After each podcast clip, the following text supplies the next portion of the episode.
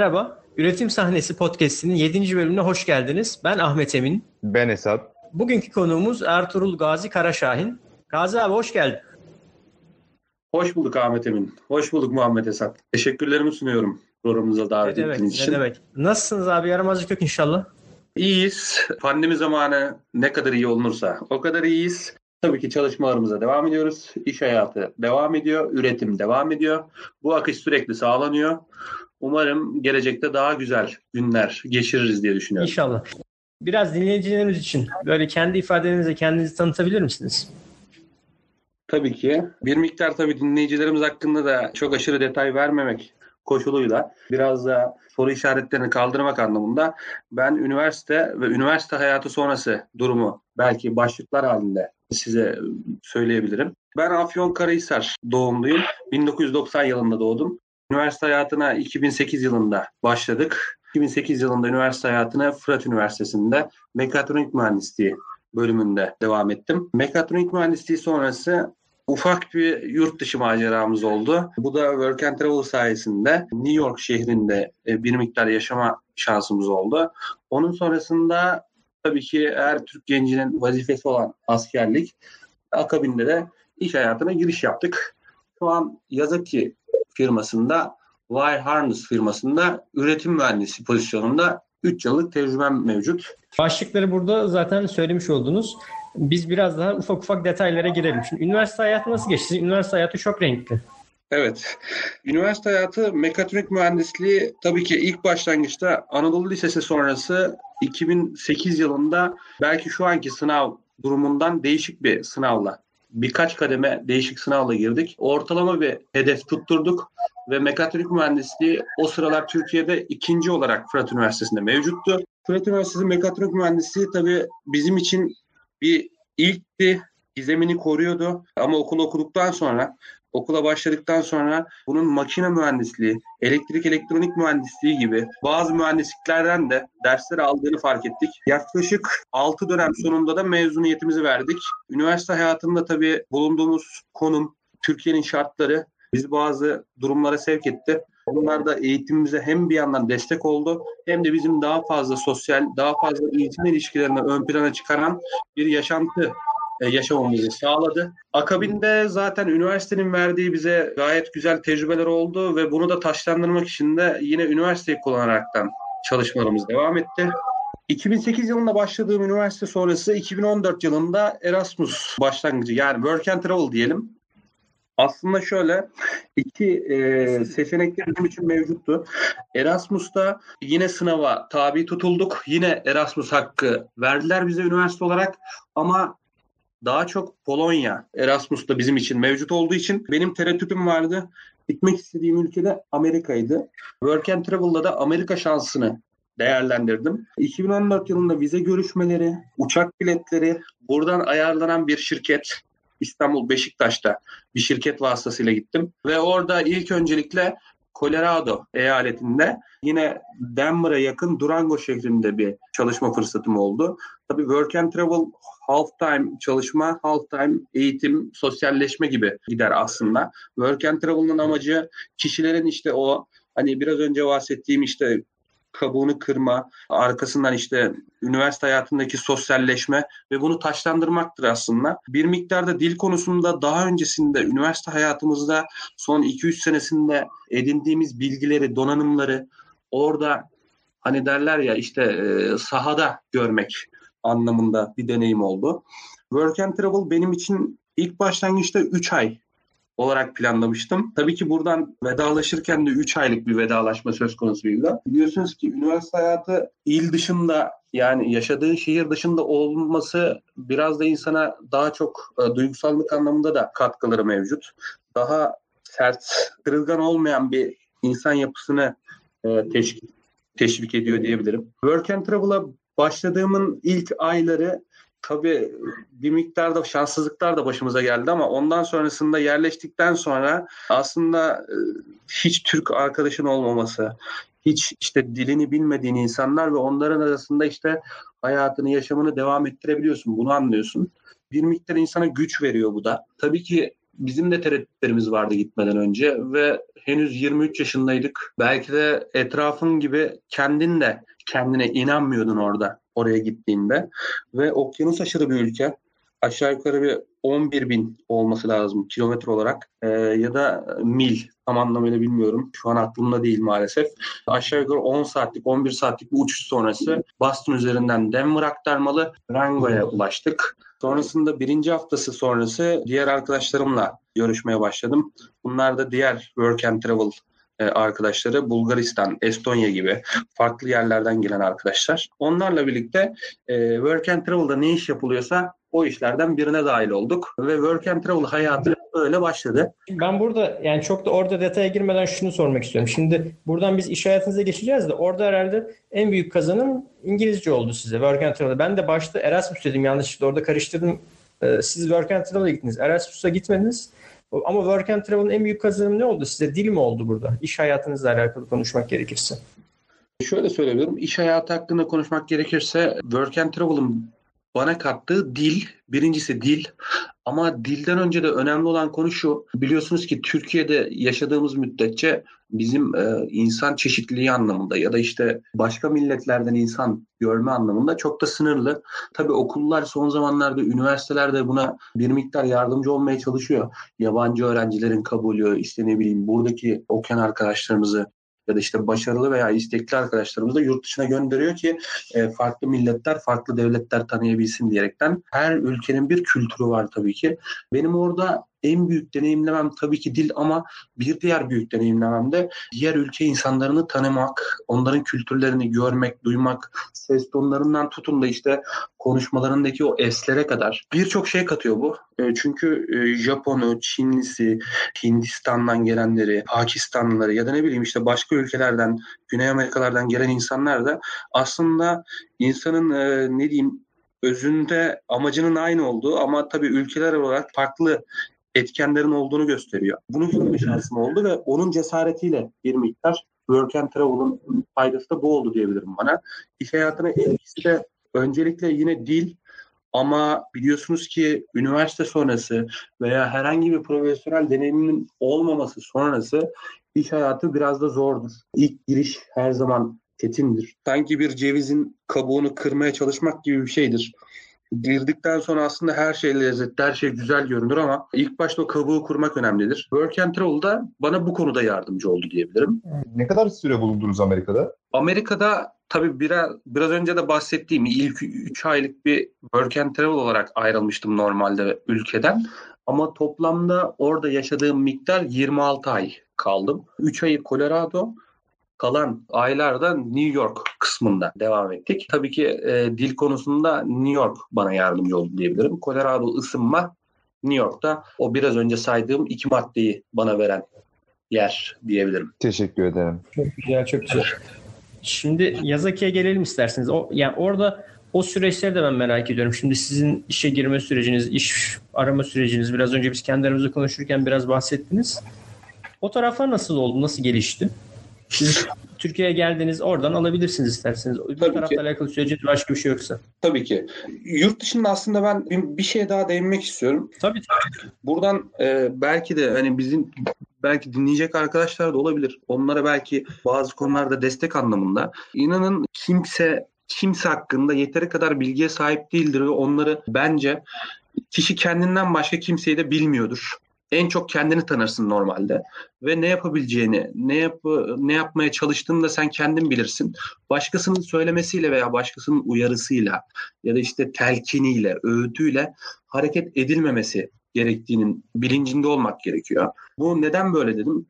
Hayatta birçok aşamada kişileri korkutma ya kadar varan işte nasihatler olabilir. İnanın bana korkmayın.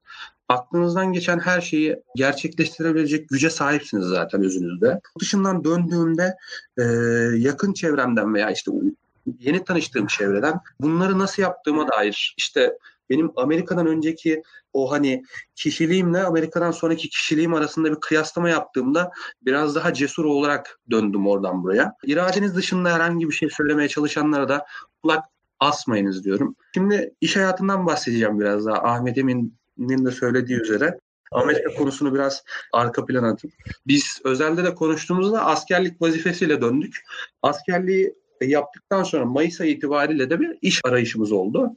Tabii verilen emekler, okunan okullar, işte Anadolu liseleri, işte yabancı diller kurslar, ailenizin size katmaya çalıştıkları, işte toplumun size kazandırmaya çalıştıkları, ya ne bileyim işte dernekler, kulüpler vesaireler iş hayatında bunların hepsini bir ufakça miktar böyle bir rafa bırakmak gerekiyor diye düşünüyorum. Çünkü Mayıs ayından Kasım ayına kadar hatta Kasım'ın başı diyeyim Kasım ayına kadar bir iş arayışı söz konusuydu benim için de. Etrafta da gördüğüm üzere bazı arkadaşlarımız işte kariyer sayfalarında yeteri kadar talep olmadığını, işverenlerin sessiz kaldığını, kimsenin sesini duymadığı gibi konulara değiniyor arkadaşlarımız.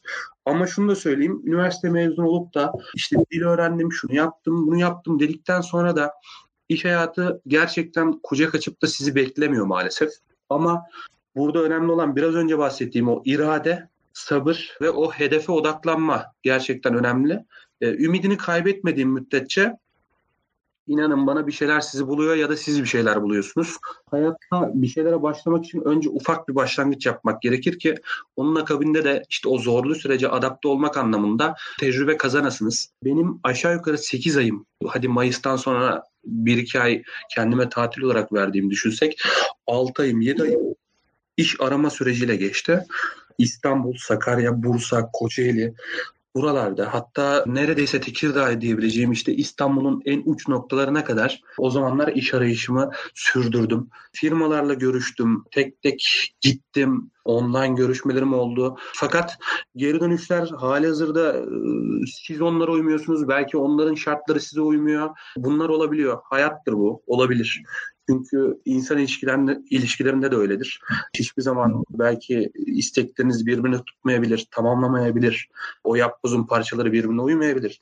O yüzden bir miktar şüpheye, bir miktar ümitsizliğe düşsem de ama kendimi toparlamayı bildim. Ta ki o telefon gelene kadar. O telefon da Kasım ayının başında geldi. Yazaki firmasından. Yazaki firmasından önce tabii dediğim gibi abartısı söylüyorum. Aşağı yukarı yuvarlak bir hesap yaparsak 30-40'ın üzerinde şirketle yüz yüze görüştüm ve bunların haricinde de telefonla görüşmeler oldu çoğu şirketle. İşte İstanbul'un metrolarını mı öğrenmedim bu süreçte. İşte tramvay hatlarını mı öğrenmedim. İşte Sakarya'ya giden otobüslerin saatini mi öğrenmedim. Bunların hepsini de öğretiyor hayat. O yüzden ümitsizliğe kapılmayalım. Buradaki firması Y Harness e, firmasıdır. Kablo donanım firmasıdır. Yazaki firması otomotiv sektörünün aslında bir damarıdır öyle diyeyim. Sanki arabanın içerisindeki o işte insan vücuduna e, endekslediğimizdeki durumdur. İnsanın damarları neyse arabanınki de Yazaki'dir. E, kablo donanım firması kablo setleri üretiyor. Birkaç müşteriye çalışma yapıyor. Bursa ve Sakarya'da yerleşkesi mevcut. Ben de Akyazı'da çalışıyorum. Üretim mühendisliğine başladım. 2017 yılında üretim mühendisliği anlamında tabii çok tecrübeli değilim. O zamanlar ilk başlangıçta fabrikayı öğrenme, fabrikayı keşfetme, kendini keşfetme, kendi yapacaklarını keşfetmeyle geçen bir süreç mevcut. Direkt üretim sahası, yalın üretim ve üretilen şeyler de çok çeşitli. Kablolar da çok çeşitli. Bunların hepsine adapte olmak gerekiyor. Çalışanlar çok çeşitli. Güzel bir rakam, güzel bir sayıda çalışanı var. Fabrikada gerçekten güzel şeyler başarıyor. Üç ana büyük markayı besleyen bir firma. Ben de oranın bir bölümünde üretim mühendisi olarak başladım. Ve o gün bugündür de Yazaki'den o başlangıçtan bugüne de üretim mühendisi olarak çalışıyorum diyebilirim. O hani Yani 8 aylık süreci bu 3 yılda gerçekten de bir nevi yedik diyebilirim. Yani o zamanları unuttuk diyebilirim. Tabii ki hatıralarımız da mevcut ama o geçmişe dönük olan şeyler iş hayatından sonra bir miktar daha silinebiliyor. Çünkü gerçek e, kısma geçiyorsunuz, gerçek tarafa geçiyorsunuz. O yüzden e, Yazaki bu konuda çok şey kattı. Bunu hiçbir zaman e, yabana atamam. Çok güzel. Peki siz orada şimdi üretim mühendisi olarak ne yapıyorsunuz? Yani şimdi üretim mühendisi dediğim zaman bunun da geniş bir tanımı var.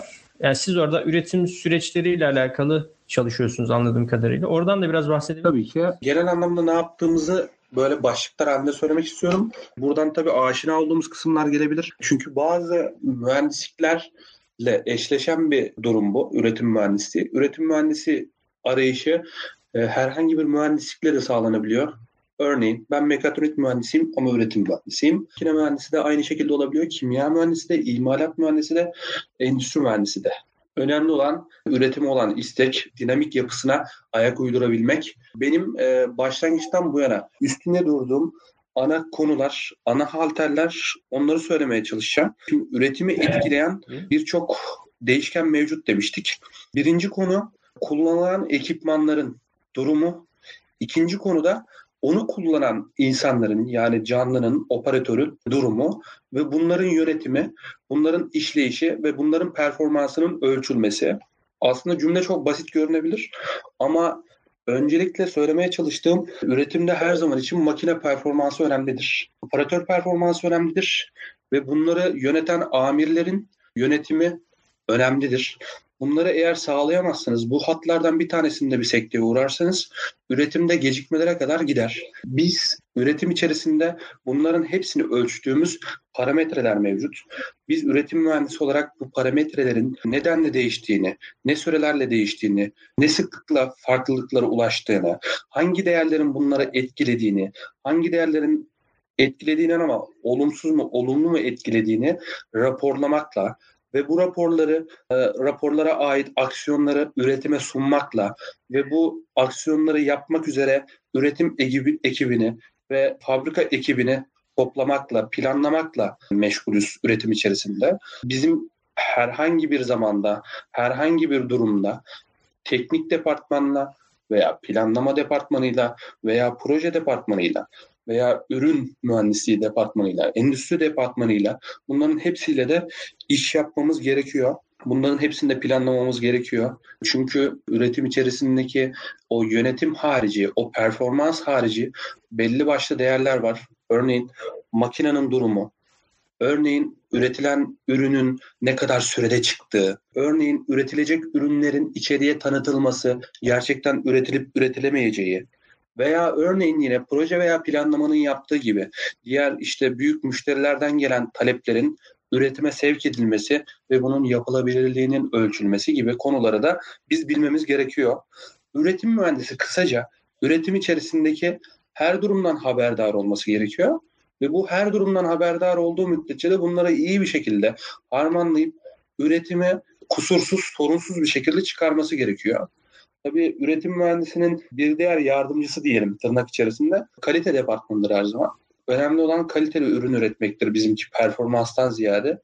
İlk başlangıçta tüm fabrikaların da aslında vermeye çalıştığı kalite ürün üretim akabinde de verilen siparişin yetiştirilmesidir. Biz bunları sağlamakla sorumluyuz. Bunların idaresiyle sorumluyuz ve bunların yönetimiyle sorumluyuz. Tabii her o dediğim parametrelerin ayrı ayrı bir açıklamaları mevcut. Bunlardan örnek vermek gerekirse bu KPI'lerden örnek vermek gerekirse işte OEE gibi, işte productivity gibi, işte efficiency gibi, nation availability gibi birçok değer var. İşte mudalar var, kaizenler var e, ve bunlara yardım eden ve bunları denetleyen bir sürü denetleme yöntemi var. Moto gibi, aynı şekilde ne diyebilirim bunları yine şey, denetleyen IATF kalite denetlemesi gibi birçok şu an MPPS gibi denetlemeler de mevcut. Üretimin evet. kalitesini artırmak ve devamlılığını sağlamak üzerinedir. Peki şimdi siz buradasınız 3 senedir Yazaki'desiniz. Sonrasıyla alakalı var mı kafanızda bir şeyler Gazi abi? Evet. Gelecek planlamalarım arasında şöyle bir planlama yaptım kendime. Üretimin kalbi aslında evet üretim mühendisliği. Üretim mühendisliğini tam anlamıyla bütün eğrilerini, doğrularını veya değişkenlerini, bütün etkenlerini öğrendikten hani ne diyeyim şimdi özümsedikten sonra bunları gerçekten hani başka yerlerde de devam ettirebilme olanağı mevcut mu onları araştıracağım. Bunlarla ilgili belki kendimi sevk edeceğim çalışmaya. Bu da şu, e, biraz önce tabii konuşmamızın başında da bahsettiğimiz yabancı dille dilde bir yetkinliğe ulaştıktan sonra iş hayatında da bunu kullanabileceğim başka başka ülkeler, örneğin Avrupa ülkelerinde de konuya aslında e, değinmek isterdim. Üretim mühendisliğine yine diğer Almanya gibi daha başka işte Fransa gibi o araba büyük otomotiv üreticilerinin olduğu yerlerde de üretim mühendisliğini yapmaya devam etmek adına çalışmalarım olacaktır. Tabii bunu yapmak için de burada e, bir miktar daha e, bu özveriyi göstermek önemli. Üretimde gerçekten tecrübe herhangi bir yıldan sonra belli etmiyor kendini. e, o tecrübeyi kişinin kendisi bilmesi gerekiyor. Şöyle diyeyim 5 sene sonunda da yine bir şeyler öğrenme ihtimaliniz söz konusu.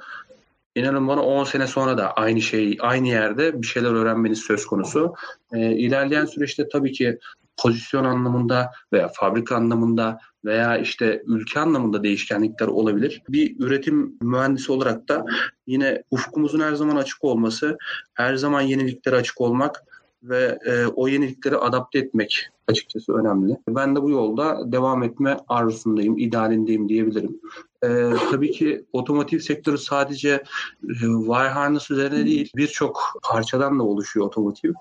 Ya burada Yazaki'den söylediğiniz wire harness kısmını da bir açıklayabilir misiniz? Orada belki anlaşılmayabilir. O kelime grubu olarak herhalde kablo kanalı demek. Kablo donanımı anlamına gelir. Orada sizin şirketin ismi o zaman Yazaki kablo Tabii ki, donanımı tabii ki. Sonrasıyla alakalı da bir otomotiv yan sanayi kuruluşuna çalışıyorsunuz. Başka bir konuda da çalışabilirsiniz. Yine benzer üretimi benzer konularda üretim yapan başka bir kurumda da çalışabilirsiniz. Anladığım kadarıyla ilerisiyle alakalı idealiniz daha büyük ve belki yurt dışında konu, bu Evet konularda doğru. çalışmak. Önemli olan burada e, kişinin Evet. kendini tartması, kişinin kendi yetkinliklerini bilmesi. E, bunu zaten kendini tanıdıktan sonra dışarıya karşı olan tutumun da değişebiliyor ve ileride ileriye dönük yapabileceklerin de değişebiliyor. Bunun için gerçekten o azmi, o işte iradeyi gerçekten tutturmak gerekiyor. Her zaman doğru yerde olmaya çalışmak önemli. Kimi zaman işte yanlış zamanda yanlış yerde olabiliyoruz. Herkes adına konuşuyorum bunu. Ee, önemli olan e, o hayatın verdiği o ne diyeyim ihtimalleri e, değerlendirmek o ihtimallere göre de e, yönünü tayin etmek. E, tabii ki kişi bir hedefe düz bir doğru üzerinde yürümez maalesef. Sanki bir grafiğin üstündeki o değişkenler gibi e, zikzaklı bir şekilde gider. Ama o zikzakın her zikzakın bir dönüşü de var. Girişi olduğu gibi, yükseliş olduğu gibi düşüş de var. Aynı zamanda bunun zıttı da var. Bunları gerçekten iyi tayin etmek gerekiyor. Nerede olduğunu iyi bilmek gerekiyor. Ve gelecek için de gerçekten plan yaptıktan sonra inanın bana kimsenin de engel olabileceğini düşünmüyorum. Tabii çok aman aman bir durum olmadıkça. Hedeflerin dışına çıkmamak önemli. Ee, O etkenlere de fazla kulak asmamak, göz asmak önemli. Önemli olan dimdirek yürümeye çalışmak arkadaşlar. Ulaşmak isterlerse size Gazi abi nereden ulaşabilirler? LinkedIn'de var mısınız? Evet LinkedIn'de varım. Ee, oradan yine ismimle arattırdığınızda bana ulaşabilirsiniz. Ne bileyim hani daha detaylı, daha nokta atışı bilgiler anlamında oradan da detay verebilirim. Ee, burada tabii e, her şeyi anlatabiliriz ama bir süre, bir e, işte zaman dilimi harcıyoruz burada da. Bunu daha genişletebilirdik ama belki de birkaç saatimizi belki işte daha fazla uzun zamanımızı alacağı için bazı maddeleri ana başlıklar halinde toparlayıp anlatmaya çalıştık. Bu konuda belki işte aynı yolda yürümeye çalışan veya işte benimle aynı fikirleri olan ya da eşleşen ya da işte ne bileyim aksi durumu olan, aksi fikirleri olan arkadaşlar da olursa yine e, onlara da her zaman soru cevap olarak görüşebiliriz LinkedIn'de veya tavsiyeler veya başkalarının verebileceği tavsiyeler de olabilir. Onlara da her zaman açığız. Teşekkürlerimi sunarım şimdiden. Biz de çok teşekkür ederiz. Bizi kırmadınız, geldiniz. O zaman bir iki cümle sanki söyleyecek gibi bir şey var gibi, süre var gibi. Bu hani genel bir Tabii, şey olabilir ama inanın iş hayatından önce yapılan her şey, her iyi şey, her güzel şey boşa gitmiyor arkadaşlar. Bunu söyleyebilirim. İnanın bana okuduğunuz bir kitap, çalıştığınız bir programlama veya öğrendiğiniz bir ikinci dil veya üçüncü dil bir yerde karşınıza çıkıyor muhakkak ya da üniversitelerin e, biriktirme projeleri. Bunlar çok önemli aslında ama biz üniversite hayatında biraz daha böyle üstün körü geçebiliyoruz yeri geldiğinde. Bireysel geçebiliyoruz. Bunların hepsinin bir kazancı var iş hayatında. Örneğin orada yaptığınız hocalarınızla işte profesörlere karşı yaptığınız sunumlar iş hayatında size katmer katmer dönebilecek arkadaşlar. Pozitif olarak dönecek. Bir gün CEO'ya sunum yapacaksınız. Bir gün e, fabrika müdürüne sunum yapacaksınız. Belki de bir gün koordinatöre sunum yapacaksınız. Ve bunu yabancı dille yapmaya başlayacaksınız. Ve kendinizde o ability'yi, o yeteneği göreceksiniz. Veya işte okuduğunuz bir kitaptaki güzel söz veya işte programlamanın herhangi bir satırı sizin e, iş hayatınızda bir basamak olacak belki de. O konuda hiçbir şeyi e, çöpe atmayın gerçekten. Yaşadığınız her olumlu şeyin bir kazancı muhakkak var. E, bunları yeter ki collect edin, biriktirin. İlerleyen aşamada her zaman işinize yarayacaktır diyebilirim. ve son kez e, teşekkürlerimi sunarım. Biz çok teşekkür ederiz. Bizim şimdi podcast'te biz podcast'i bitirememekle meşhuruz biraz. Böyle 4 sefer 5 sefer artık kapatıyoruz falan dediğimiz oluyor. Bu sefer gerçekten bölümü kapatıyoruz. O zaman biz çok teşekkür ederiz. Hem bize katıldığınız için hem de dinleyicilerimize de bizi dinledikleri için. Bizi sosyal medya hesaplarımızdan da takip etmeyi unutmayın. Hoşçakalın. Hoşçakalın.